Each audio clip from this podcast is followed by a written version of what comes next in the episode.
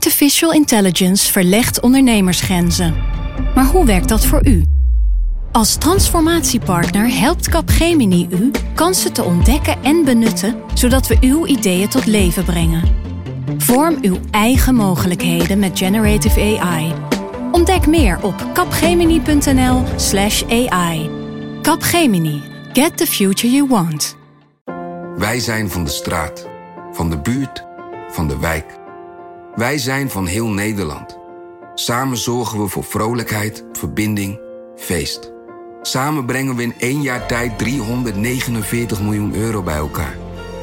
Miljoenen waarmee onze goede doelenpartners de wereld groener, gezonder en rechtvaardiger kunnen maken.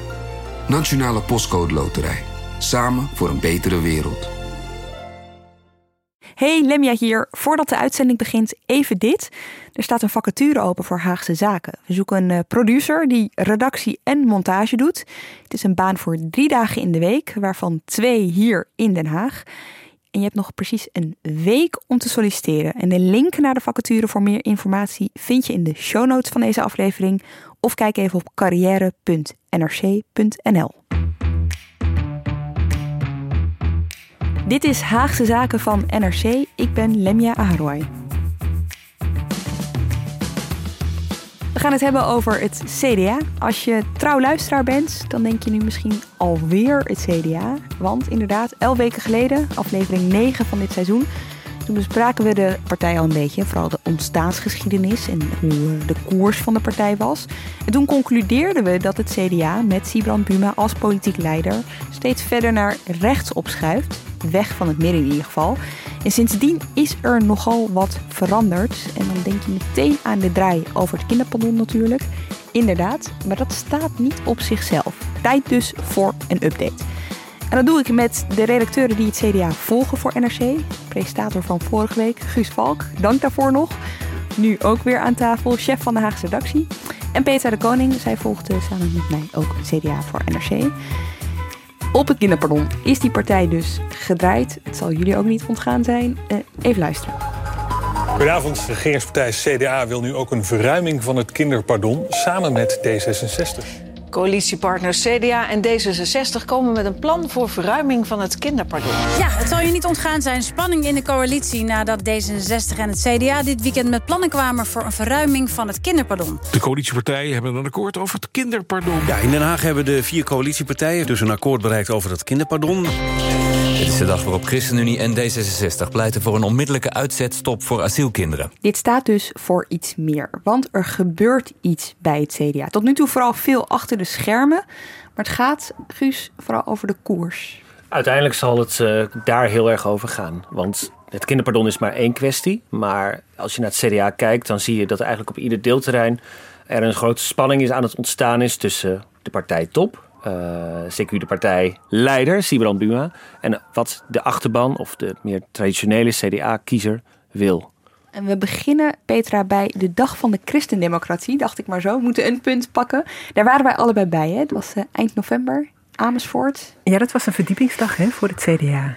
Die toespraak van de uh, directeur van het wetenschappelijk instituut, die was wel uh, veelzeggend. Ja, want dat, dat, dat was inderdaad een dag. Het thema was ook, wat voor land wil jij doorgeven? Waren een paar honderd mensen op, acht, op afgekomen, vooral CDA-leden. En die waren daar om na te denken over waar moest het nou heen met hun partij. Georganiseerd inderdaad door dat wetenschappelijk instituut. En de speech van de directeur daarvan was eigenlijk gericht op één kernboodschap. En dat is: je moet niet alleen problemen benoemen, je moet ook met een perspectief kunnen komen. Ja, precies. Want dat is ook de kritiek die je steeds luider hoort eigenlijk op uh, Sibrand Buma. Dat hij wel veel problemen benoemt, maar waar zijn de oplossingen? Waar zijn de antwoorden? Dus hij heeft het vaak over de bezorgde burger, maar wat stel je daar dan tegenover? Wat mhm. bied je die burger? De bezorgde burger, inderdaad. Het is een soort van het, het, is de doelgroep geweest, laat ik het zo zeggen, van het CDA de afgelopen tijd. Ook tijdens de verkiezingscampagne in 2017. Hoe komen ze daartoe, tot zo'n thema als de bezorgde burger? Nou, dat heeft een hele lange voorgeschiedenis. Misschien moeten we wel helemaal bij de ontzuiling beginnen. Maar uh, kijk, het CDA had natuurlijk ooit, ooit een fusiepartij natuurlijk van drie conventionele partijen. Om maar toch even heel kort geschiedenis uh, uh, les te geven. Voor de lange versie luister aflevering 9 terug, ja? Ja, we hebben daar een uur over gepraat. Dus dat ga ik niet helemaal nakouwen. Maar goed, in een tijd van secularisering was een eh, fusie van die drie partijen nodig. En dat was eigenlijk al de voorbode van een ontwikkeling die het CDA, waar ze nog steeds last van hebben, dat ze niet meer langer een traditionele kiezerspool hebben. Die ze gewoon elke verkiezing weer een laadje dat ze open kunnen trekken en uh, waar al die kiezers uh, uitkomen. Ze zullen die kiezers elke keer weer opnieuw moeten veroveren. Want de traditionele CDA-kiezer, ik zal maar zeggen de kerkgaande protestant-katholiek, die maatschappelijk betrokken is, misschien een tikje conservatief, tikje provinciaals misschien. Die kiezer is, is nog maar in zeer beperkte mate echt trouw aan het CDA. Dus ze moeten elke keer weer opnieuw moeten ze ontdekken waar zit ons electoraat. Dus ze worden een beetje een partij zoals uh, uh, GroenLinks of D66. Groen, zeg maar partijen die elke keer weer opnieuw uh, eigenlijk hun electoraat moeten uitvinden. Het probleem van de middenpartij zou je kunnen zeggen. Ja, en, en het verdwijnen van de middenpartij is uiteindelijk het grote gevaar voor het CDA. Uh, nu er geen middenpartijen eigenlijk meer zijn, um, is ook de bodem onder het CDA weggeslagen. Dus ze hebben bedacht, en dat kwam in de verkiezingscampagne van 2017. Uh, ik was er niet bij, jij wel Petra, maar uh, dit is dus voor mij legende. Yeah. Maar kwam dat dus alweer heel erg terug. Maar ik heb zelf de verkiezingen van 2006 meegemaakt, waarbij Balkenende opnieuw de grootste werd. Dat was een campagne en dat begon al een beetje in 2002, maar in 2006 nog meer. Waarin de boze burger heel erg werd ontdekt als nieuwe kiezersgroep. Letterlijk ontdekt, hè? want uh, ze hebben daar een, een, bureau voor gebruikt, Motivation onderzoeksbureau. En die is voor ze gaan kijken van hè, waar, waar ligt nog een gat in de markt? Ja, dat is, uh, dat is precies zoals het ging. Uh, ze huurden Motivation in. Toen was dat een modern bureau. Dat zeg maar niet traditioneel kiezersonderzoek deed, mm-hmm. maar meer ging kijken van... hey, er zijn allerlei maatschappelijke groepen. Hoe kunnen we die herdefiniëren? En toen kwamen ze met allerlei nieuwe groepjes aan. Bijvoorbeeld de opwaartsmobielen bijvoorbeeld. Dat zijn dan uh, mensen die het steeds beter krijgen, zal ik maar zeggen. Mondiger worden. De cosmopolieten. Het CDA had een groep toegewezen gekregen en dat was de moderne burgerij. Nou, wat is er met die groep aan de hand? Motivaction had al een, helemaal een, een soort van profielschets van die groep gemaakt. Uh, wat wil die groep en wat wil die groep niet? Ze ontdekten dat het een groep is die niet erg ideologisch is. Het is niet zeg maar zoals mensen uit andere groepen zijn die traditioneel bijvoorbeeld naar de kerk gaan of bij een vakbond zitten of wat dan ook. Dus ideologisch zwak zou je kunnen zeggen. En tegelijkertijd hebben ze een enorme hang naar, ik zal maar zeggen, uh, zekerheid. Dus zijn bang voor de toekomst. Dat had Motivation natuurlijk heel erg ingeprent, het CDA. Van let op, kiezers die jullie moeten aanspreken zijn bang voor de toekomst. Ja. En daar is een beeld ons uit ontstaan. En dat heeft dan Beter Balkenende destijds uh, uh, heel erg op ingespeeld. Van uh, wat wij dan nu de boze burger noemden. Ja, want inderdaad, ik, jij, jij hebt er toen de tijd over geschreven. Ik las het vanmiddag terug. Ze zijn ook cultureel behoudend, hè, die moderne burgerij. Soms wat angstig over de boze buitenwereld. En die mensen die zoeken zekerheid. Ik vond nog wel een mooi detail. Die mensen die kijken naar RTL Boulevard. Dus het wordt tot best wel detailniveau besproken. Hè? Wat, wie zijn die mensen? Die kijken dus naar RTL Boulevard. En toen verscheen dus Balkenende, premier toenertijd, op aanraden van Motivation bij RTL Boulevard. En dan ging je het hebben over auto's. Over hoe interessant het allemaal was. Want uit dat onderzoek van Motivation was gebleken dat die mensen hielden van auto's. Ik bedoel, dat het zo ver gaat, vind ik wel echt redelijk ja. bizar ook wel. Ja, en ik herinner me die campagne nog heel goed. Dat Balkenende voortdurend over auto's praten.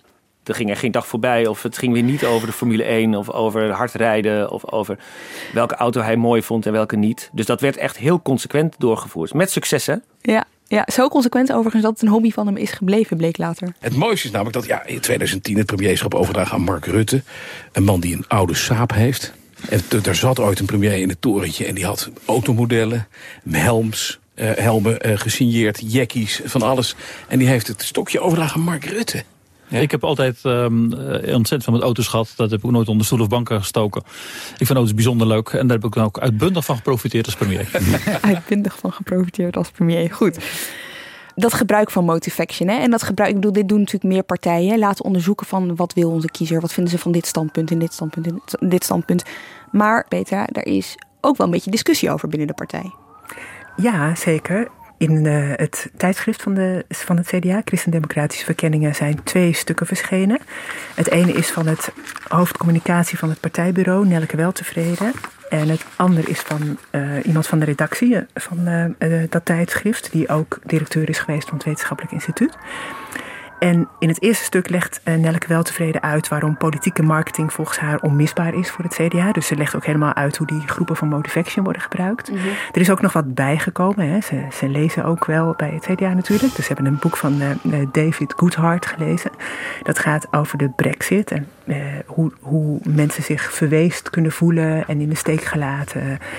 dat zijn de somewheres. En dan heb je de anywheres. Dat zijn de globalisten. Mensen die zich heel lekker voelen met, in een geglobaliseerde wereld. En het gaat echt over de kloof Precies, tussen die en het, tussen, de, tussen die twee. Dus die ook al eerder werd, hè, die ze ook al zagen bij het CDA. En daar hebben ze in hun campagne in 2017 heel erg op gericht. Uh, en daar schreef zij dat stuk over, waarom ze dat gedaan hebben. En die uh, Rien Fraanje, die het tegenstuk heeft geschreven, reageert van ja, jongens, uh, dit gaat wel echt om onze boodschap en niet alleen maar om hoe we die, hoe, wat we moeten verkopen en wie, uh, wie Ja. die boodschappen horen. Ja, want het grote verschil tussen de twee, eigenlijk zou je, zie je het al aan de titels. Hè? Haar titel is waarom politieke marketing onmisbaar is voor het CDA. En zijn titel is marketing moet de politieke boodschap niet bepalen. Ja. Uh, haar pleidooi is eigenlijk kijk om je heen, wat willen mensen en ga daar dan antwoorden op verzinnen. En Rien Franje zegt nee, wij hebben een christendemocratische boodschap. Dat moet de basis zijn en dat Nou, moeten we gaan. Nelke Weltevreden zegt wel, of in dat stuk, we hebben onze boodschap, we hebben ons programma. En er is heel weinig tijd. Mensen hebben, kiezers hebben nog maar heel weinig tijd om iets tot zich te nemen. Die zijn ook niet meer zo geïnteresseerd in politiek. Dus we moeten snel zijn. We moeten ook op zoek naar een bepaalde groep. Dat wil niet zeggen dat we onze boodschap veranderen. Maar we richten ons wel duidelijk op een bepaalde groep. Dat is Mhm. wat zij zegt. En dat kan niet anders in deze tijd. Omdat we heel weinig geld hebben voor campagne. Uh, bovendien moesten ze zich in 2017 echt tussen uh, uh, de PVV en de VVD positioneren. Dat dachten ze. Dus ze zochten die plek op in het politieke spectrum. Mhm. Weet je, dat alles bij elkaar maakte, volgens haar, dat het nodig was om die politieke marketing te gebruiken. Om heel duidelijk te kiezen voor die bezorgde burgers. Wat zegt deze discussie? Ik, ik heb daar uh, Rien Fraaien nog even over gebeld. Want ik vond, ik vond het ook een heel interessant uh, artikel. Ik vind de discussie ook interessant. Mhm. Mm -hmm. En wat hij zegt is dat het CDA steeds meer een soort ja, marketingmachine is geworden. Dus dat ze nu zeggen, oké, de bezorgde burger. We gaan nu alleen maar bezorgde burgertaal uitslaan. Uh, want die oude kiezers hebben we toch wel. En met die, uh, die nieuwe groep kunnen we dan weer een grote partij worden. Eigenlijk de Balkenende-strategie van uh, begin jaren 2000.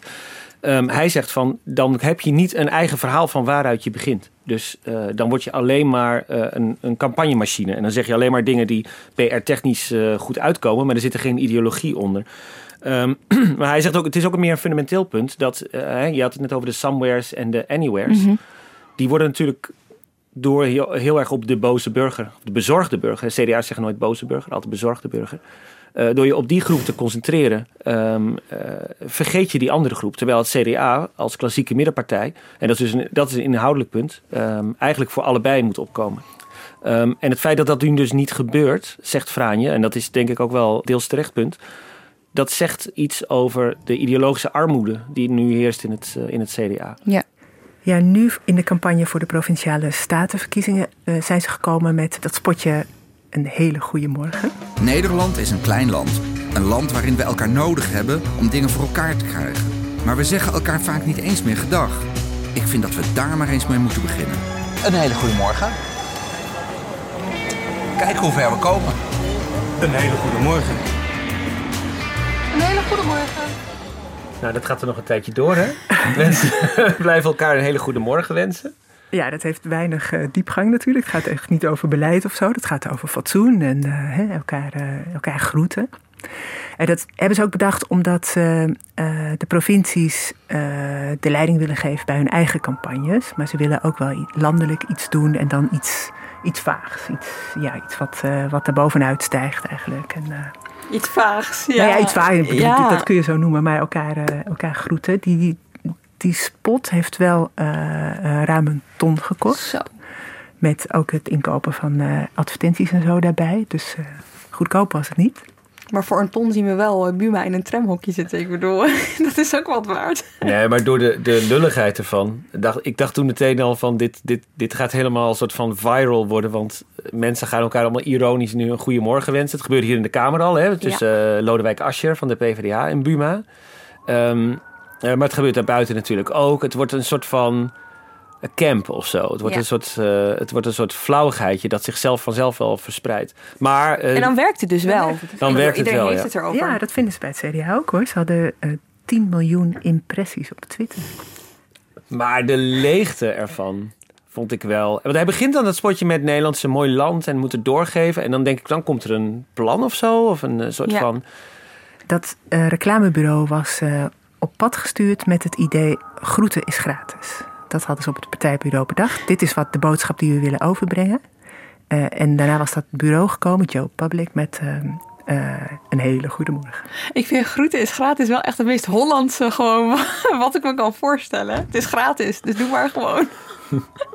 Het is een soort heimwee naar een tijd die er niet was of zo. Maar het appelleert wel misschien aan een, aan een gevoel van... eh, jeetje, iedereen zit maar in zijn mobieltje... en niemand zegt maar hoi tegen elkaar... en iedereen zit in zijn eigen bubbel, weet je wel. Het brengt wel wat dat betreft... Ja, maar dan zie je dus Buma in dat hokje. En dan gaat hij naast zo'n jongen zitten die dan duidelijk met zijn telefoon bezig is. En dan, dan wordt het heel awkward van. Dan denk ik van dat. dat, dat wil je, wat wil je dan of zo? Wat, Ja. Dat mensen dat dan met, bij elkaar gaan doen. Ik Ja. snap het echt niet. Als je kijkt naar de peilingen van de partij... ze staan nu ongeveer gemiddeld op ongeveer 10 zetels. Peilingen, palingen, maar het is wel een soort van... eh, het is iets wat je kan gebruiken om te zien hoe een partij ervoor staat. Kijk, voor het CDA zelf is het natuurlijk erg, kun je je voorstellen. Want zo'n partij wil altijd heel groot zijn en meebesturen. Maar wat betekent het nou eigenlijk voor de rest van het politieke landschap? Misschien past het wel gewoon bij deze tijd. Ja, dat in zekere zin is dat misschien wel zo. Een, eh, een partij die stoelt op zeg maar 20e eeuwse eh, eh, partijen die op hun beurt weer stoelen op 19e eeuwse ideeën. ja, is misschien wel een beetje verouderd. Tegelijkertijd ehm, is het CDA de machtspartij van Nederland. Ze leveren bestuurders, ze eh, op, op alle niveaus in provincies, in gemeenteraden. overal leveren ze mensen. Ehm, leiden ze mensen op, eh, zitten ze in het midden van de macht, helpen ze linkse eh, coalities of rechtse coalities aan meerderheden. Ehm, misschien is, is, is het CDA zoals we het kenden misschien een klein beetje uitgespeeld, maar zeg maar de, de rol van een grote middenpartij is natuurlijk nog steeds nodig in Nederland, denk ik. Maar stel nou inderdaad dat het aantal zetels bij het CDA echt omlaag keldert. Hè? Wie profiteert daarvan? Zijn dat dan wel die middenpartijen of zijn dat inmiddels rechtse partijen? Middenpartijen zijn er eigenlijk niet meer. Dus eh, ik denk dat een groot deel van het electoraat inderdaad weg zal lopen naar de rechterkant. Maar eh, ik vermoed ook dat een heleboel eh, kiezers op een gegeven moment af zullen haken en bijvoorbeeld naar de ChristenUnie of naar GroenLinks gaan. Dat, dat zie ik ook heel erg voor me bij de komende verkiezingen. Dus het, er zal niet een andere grote middenpartij zijn, denk ik, die die rol overneemt. Het eind van het lied zal zijn dat er gewoon helemaal geen middenpartij overblijft. Oeh, ik vraag me af hoe ze bij D66 over die stelling van jou. Middenpartijen zijn er niet meer. eh, Maar ik vind denken. D66 geen middenpartij. Dat, eh, dat vind ik CDA en PvdA. Misschien een heel klein beetje de VVD. D66 vind ik meer een belangenpartij. Die komen voor een, voor een eh, sociaal-economisch deel van de bevolking heel erg op.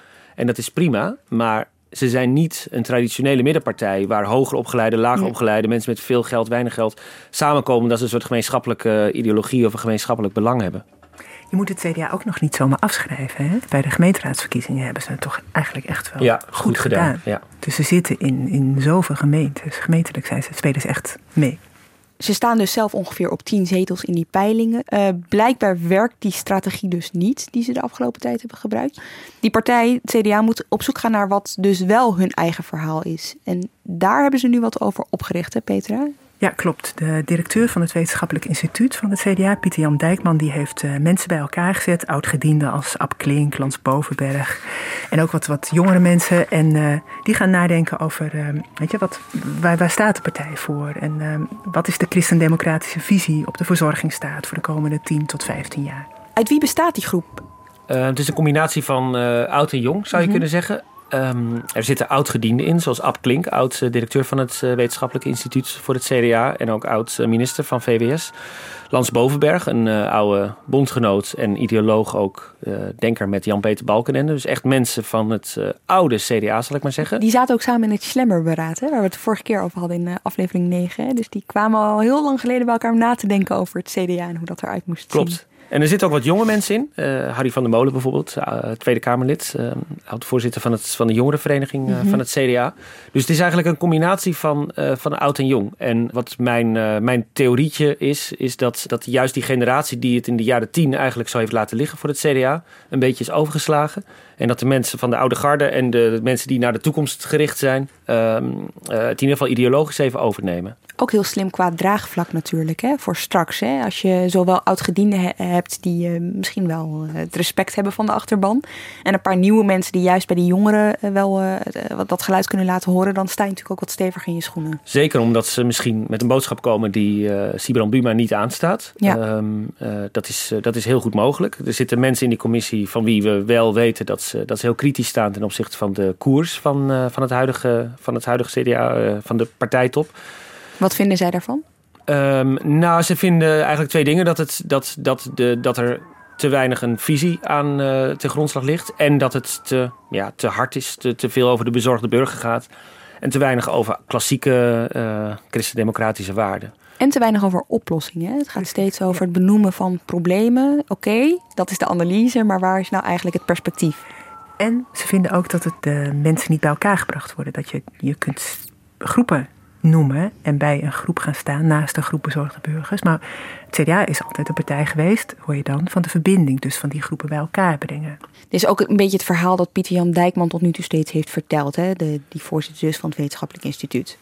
Die Pieter Jan Dijkman, zijn naam komt nu weer terug, hè, die directeur van het Wetenschappelijk Instituut. We hadden het net al even over die dag van de christendemocratie. Hij heeft duidelijk een soort van missie. Hij wil van de partij toch iets anders gaan maken. Hij proeft dat het zo niet werkt. Ik denk dat je daar eh, wel eh, de spijker op de kop slaat. Dijkman is duidelijk kritisch op de koers van de fractie. Mm. En we hadden het net even over ideologische armoede. Als je met Pieter Jan Dijkman praat, hoor je dat tussen de regels door ook wel.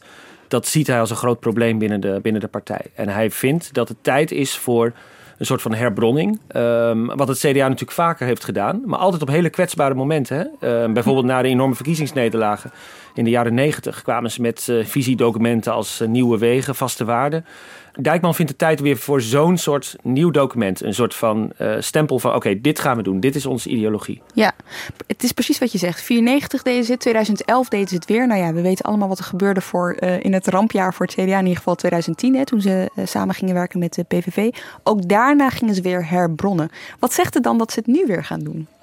Nou ja, weet je, uh, in de peilingen staat, wat jij al noemde, in de peilingen staat het CDA er slecht voor. Mm -hmm. uh, Buma zit er al een tijdje. Weet je, die combinatie van twee maakt ook dat, dat je, je merkt dat mensen, dat CDA zich weer wat vrijer voelen mm -hmm. om kritisch te zijn. En het zeggen van ja, moet het wel zo? Is dit wel het verhaal? Het levert ons tot nu toe niks op. Weet je, de bezorgde burger, als het over het klimaat gaat, over, uh, over allerlei dingen. Ja.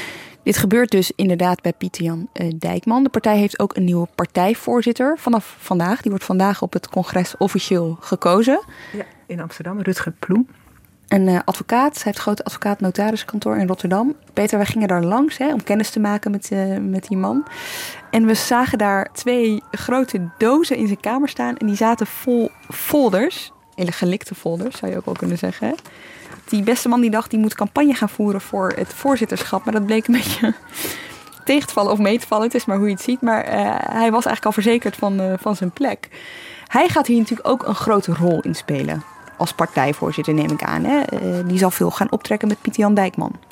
Ja, zeker. En je, je kunt je voorstellen dat omdat Buma er ook al een tijdje zit, omdat er ook misschien wat, wat uh, opvolgers klaarstaan, uh, zou het wel eens zijn belangrijkste taak kunnen worden om te kijken wie Buma gaat opvolgen. Hè? En dan ook welke partij die volgende leider krijgt, met wat voor ideeën.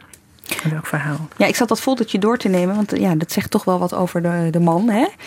En dan ga ik even iets voorlezen. Onze partij verkeert in een uitdagende fase. We weten allemaal wat, waar uitdaging vaak een eufemisme voor is. Hè? Uh, een afnemend ledenaantal en minder financiën vragen om actie. Ook discussie over de koers op middellange termijn wordt volgens velen niet genoeg gevoerd. Zet hij in zijn foldertje, hè, waarmee hij dus überhaupt voorzitter wilde worden. Betekent dat dit wel een man met een plan is? Neem ik. Ja, hij heeft vast en zeker een idee met deze partij. Ja, ik, ben, ik ben zo benieuwd wat dit ook loswrikt of zo. Want uh, dat strategisch beraad is, uh, is druk bezig een visie te ontwikkelen. Uh, Ploem probeert duidelijk in dat voorzitterschap weer een nieuw leven te blazen. Mijn idee is dat als, als zo'n zo'n commissie aan het werk gaat en die ontwikkelen een visie op de verzorgingsstaat of over waar het CDA moet staan. En als zij een visie ontwikkelen die helemaal niet aansluit op persoon Buma en waar Buma voor staat, dan is dat in feite een. Ja, dan, dan lijkt me dat dat niet samengaat. Dus uh, wat gaat er dan voor? Moet, uh, moet Buma dan blijven en een visie uitdragen die hij niet wil? Uh, anticiperen ze op een vertrek? Dat is natuurlijk wel iets wat wel in de lucht hangt daardoor. Ja, de partij is duidelijk zoekende. Hè? Dat je, als je, ziet, je ziet die draai op het kinderpardon. Tegelijk had je, had je pas nog twaalf lijsttrekkers van het CDA van de provincies. Die kwamen met een verhaal over het klimaat. Hè, dat het niet te snel moest, dat je mensen mee moest krijgen. Allerlei voorwaarden verbonden aan de klimaatplannen. Dat was echt weer een steun in de rug voor Buma's verhaal. Laten we even kijken naar de rol van Buma hierin. Hè? Want als we het hebben over het kinderpardon, heeft hij dus uiteindelijk die draai gemaakt samen met Van Torenburg. Maar alle ogen zijn natuurlijk gericht op hem als leider van het CDA. Dat is dan dus omdat hij. Hij zal toch zelf ook wel aanvoelen dat er binnen die partij van alles gebeurt. Dat er misschien dingen van hem verwacht worden. Ik bedoel, is dit gewoon heel pragmatisch anticiperen op wat de achterban wil? Ja, dat denk ik wel. Dat, dat, weet, ik, dat weet ik wel zeker. Om zijn eigen ehm, plek veilig te stellen. Ja, dat heeft hij ook zo gezegd. Er zijn uh, besprekingen geweest met de andere coalitiepartners over dat kinderpardon. En op een gegeven moment, uh, ja, dat werd toen geponeerd door het CDA. Van dit willen wij. Kwam de ChristenUnie daar twee dagen later nog eens overheen. Met, een, uh, met het voorstel, of het, eigenlijk de eis om een soort uitzetstop te beginnen de dikke heibel in de coalitie. Toen kwamen er allemaal van die gesprekjes op gang tussen al die coalitieleiders op een zeker punt, uh, vertellen mensen die erbij waren, heeft Buma dus letterlijk gezegd van let op jongens, 9 februari heb ik een congres. Ik moet dit wel overleven. Ja, en hij ehm, wist dat er resoluties in de maak waren. En, dat er een achterban is die eh, heel anders over dit onderwerp denkt. En de, de zwakte van Buma uh, legde hij op dat moment op tafel. Dat heeft hem overigens wel gered hier. Want Klaas Dijkhoff leek toch wel gevoelig voor dit argument te zijn. Dus het interessante is dat het me ook wel weer... Hier heeft het hem uh, zeg maar politiek kapitaal opgeleverd. Maar het was een teken van zwakte uiteindelijk. Ja, en dat is dus de ene kant. Hè. Dus hij, hij doet dit, hij weet wat zijn achterban wil. Aan de andere kant houdt hij toch vast aan het eigen verhaal. Want Petra, die brief van die twaalf provinciale lijsttrekkers... Dat is natuurlijk samen bedacht. Dat is gebeurd in Utrecht. ja, ze zijn bij elkaar gekomen in januari uh, in het provinciehuis uh, van Utrecht. Uh, de lijsttrekkers en ook Buma en ook nog een Kamerlid.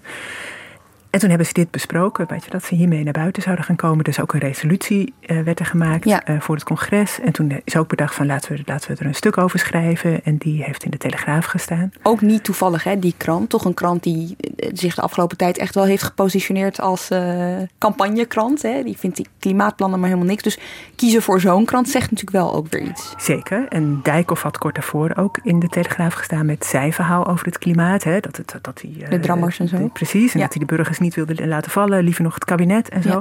Hij had op dat moment initiatief van dat verhaal overgenomen van Buma, hè, die, die zich daarmee had geprofileerd met het klimaat en die burgers. Toen was het Dijkhoff. En die lijsttrekkers, die trekken het daarna weer naar zich toe. Hè. Wij komen ook op voor die burgers en het moet niet te veel gaan kosten. Ja, maar dit is toch niet vol te houden lange tijd zo? Je kan niet aan de ene kant draaien op het klimaatpardon omdat je een bepaald deel van je achterban wil uh, pleasen. En aan de andere kant vasthouden aan een beetje wat conservatiever verhaal over klimaat. Omdat je weer je eigen verhaal wil blijven vertellen.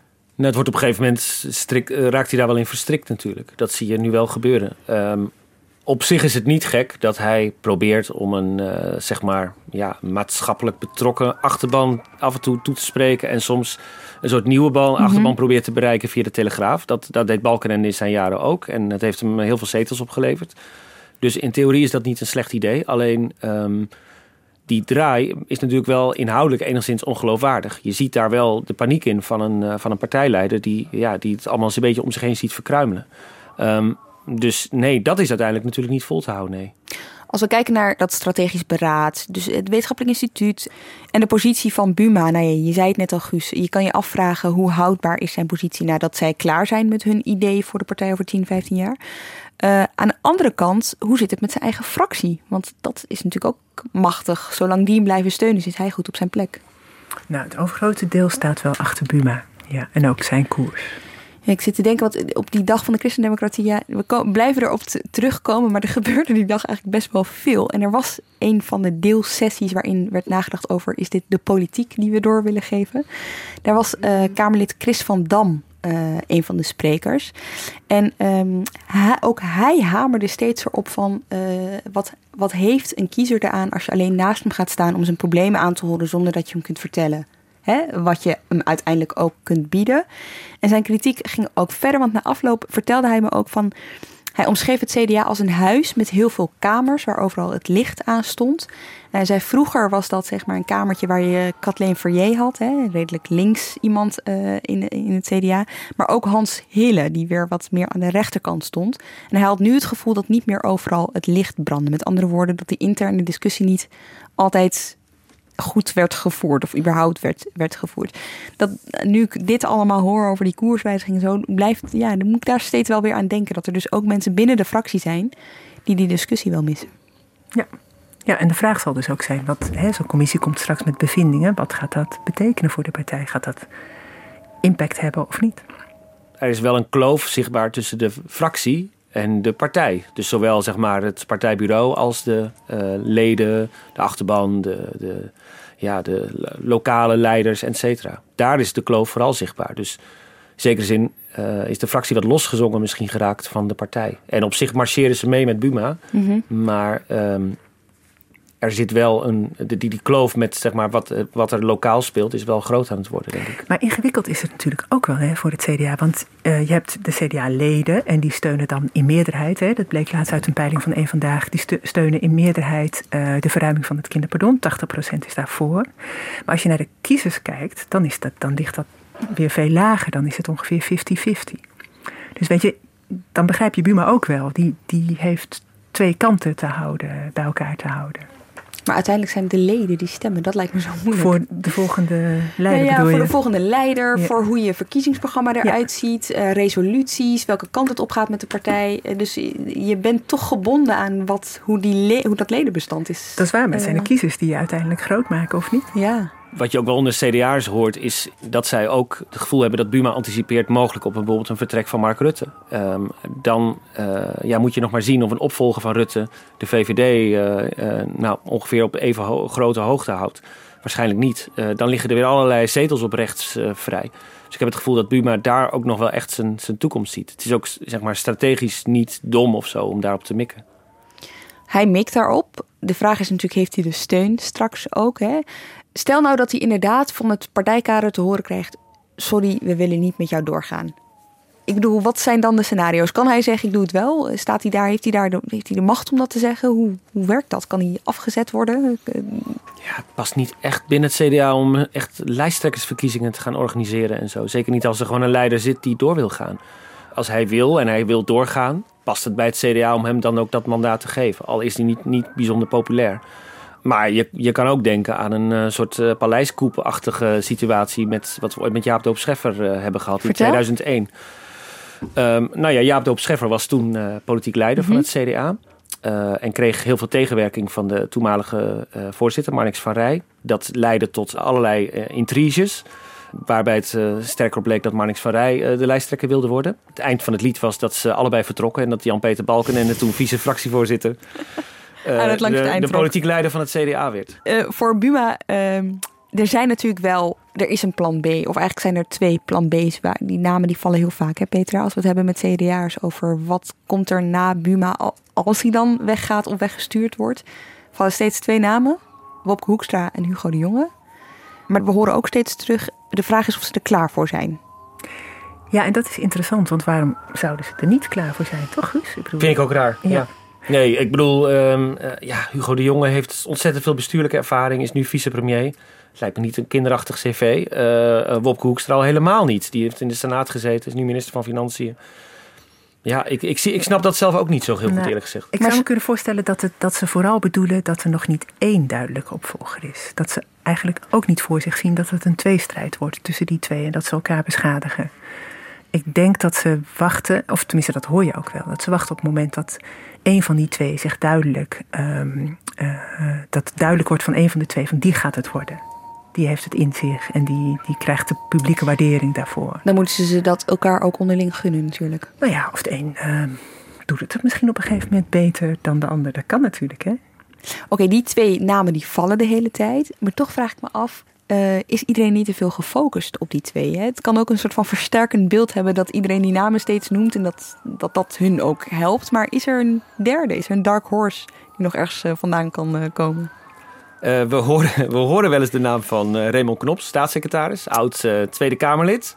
Ehm, een, een zuidelijke ja, type brave borst. iemand met een militaire achtergrond. En iemand aan de wat rechtere kant. Ja, duidelijk een sociaal conservatief. Ehm, type recht door zee ook. Um, iemand die ook wel echt afwijkt in stijl, persoonlijkheid.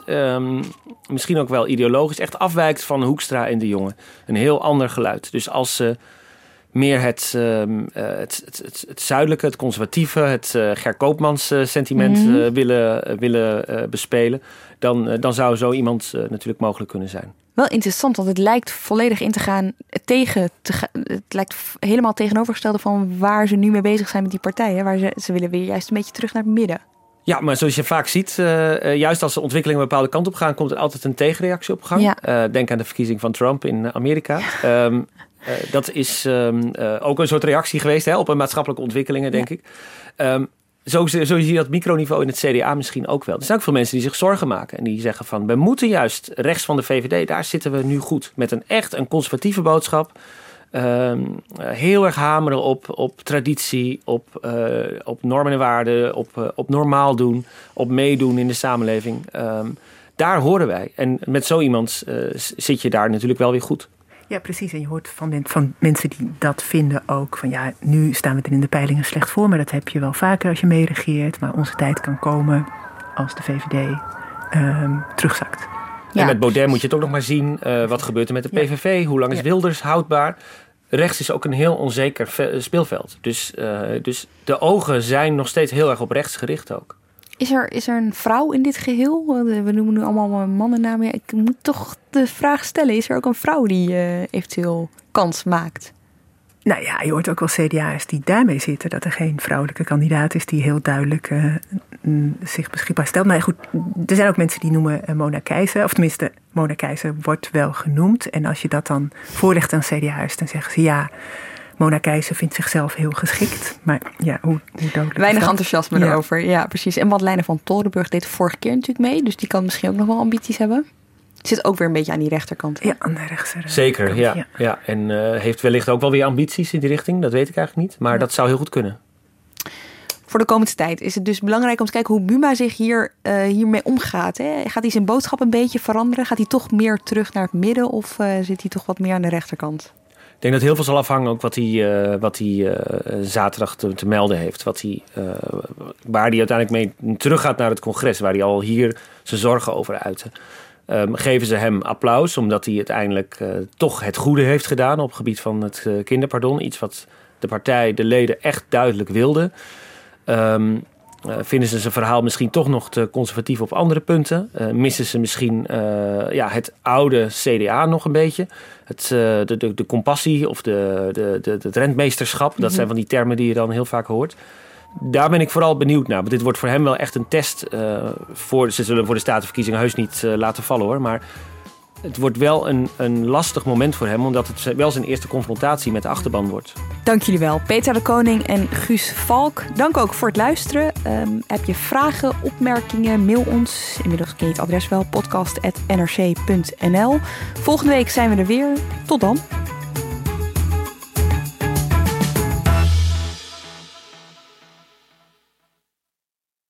Wat weet ik eigenlijk van die nieuwe leverancier? Ik heb die spullen wel echt nodig. Gaat hij straks wel leveren? Ik weet niet eens hoe lang die bestaat. Weten met wie je wel of niet veilig zaken kunt doen? Check kvk.nl voor belangrijke ondernemerskennis. Zoals info over een nieuwe handelspartner. KVK, hou vast voor ondernemers.